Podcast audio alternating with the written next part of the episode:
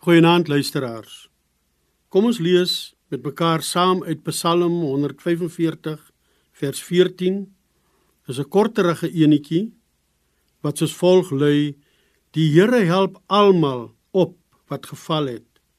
Hy ondersteun die wat bedruk is. In Psalm 145 vers 14 is daar 'n ander voorstelling as in gedeeltes waar iemand in aanbidding voor God in Jesus Christus en die Heilige Gees kom. Die prentjie wat hier na vore kom is die van iemand, 'n psalmdigter met name Dawid wat gevaar loop om te val of reeds geval het. Mense val deur verskillende oorsake. 'n Siek mens lê vasgekluister op 'n bed. 'n Mens wat in ernstige versoeking kom, loop gevaar om te val. Iemand wat deur 'n ander bedreig word, kan dalk val. Iemand anders kan dalk so deur die lewe verniel word dat hy of sy haas nie staande kan bly nie. Wie van ons het dit nie al ervaar nie? En tog is Psalm 145 in teenstelling tot wat 'n mens sou verwag, nie 'n treurmara nie, maar 'n lofsang.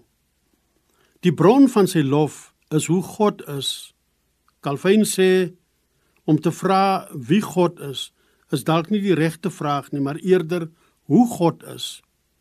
Vir Dawid en vir ons neem God die gestalte van 'n helper aan. Dis 'n wonderlike godsbeeld dat hy 'n helper is. En in die konteks van Psalm 145 vers 14 tree na vore as een wat help, eintlik ophelp as iemand geval het. Ander verheug hulle miskien oor die val. Nog ander neem die geleentheid waar om die een wat geval het verder te vertrap. Maar God help. God maak die gevallene weerstaande. Meer nog, hy ondersteun die een wat geval het om weer voetjie vir voetjie sy of haar weg deur die lewe te vind.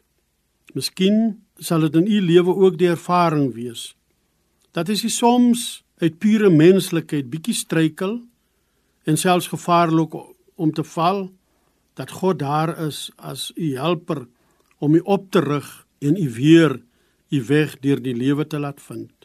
Kom ons bid saam. Onse Here en onse God, dankie dat u ons weer oprig as ons struikel en val. Dankie dat u reddende en ondersteunende hand in ons lewens ervaarbaar mag wees. Amen.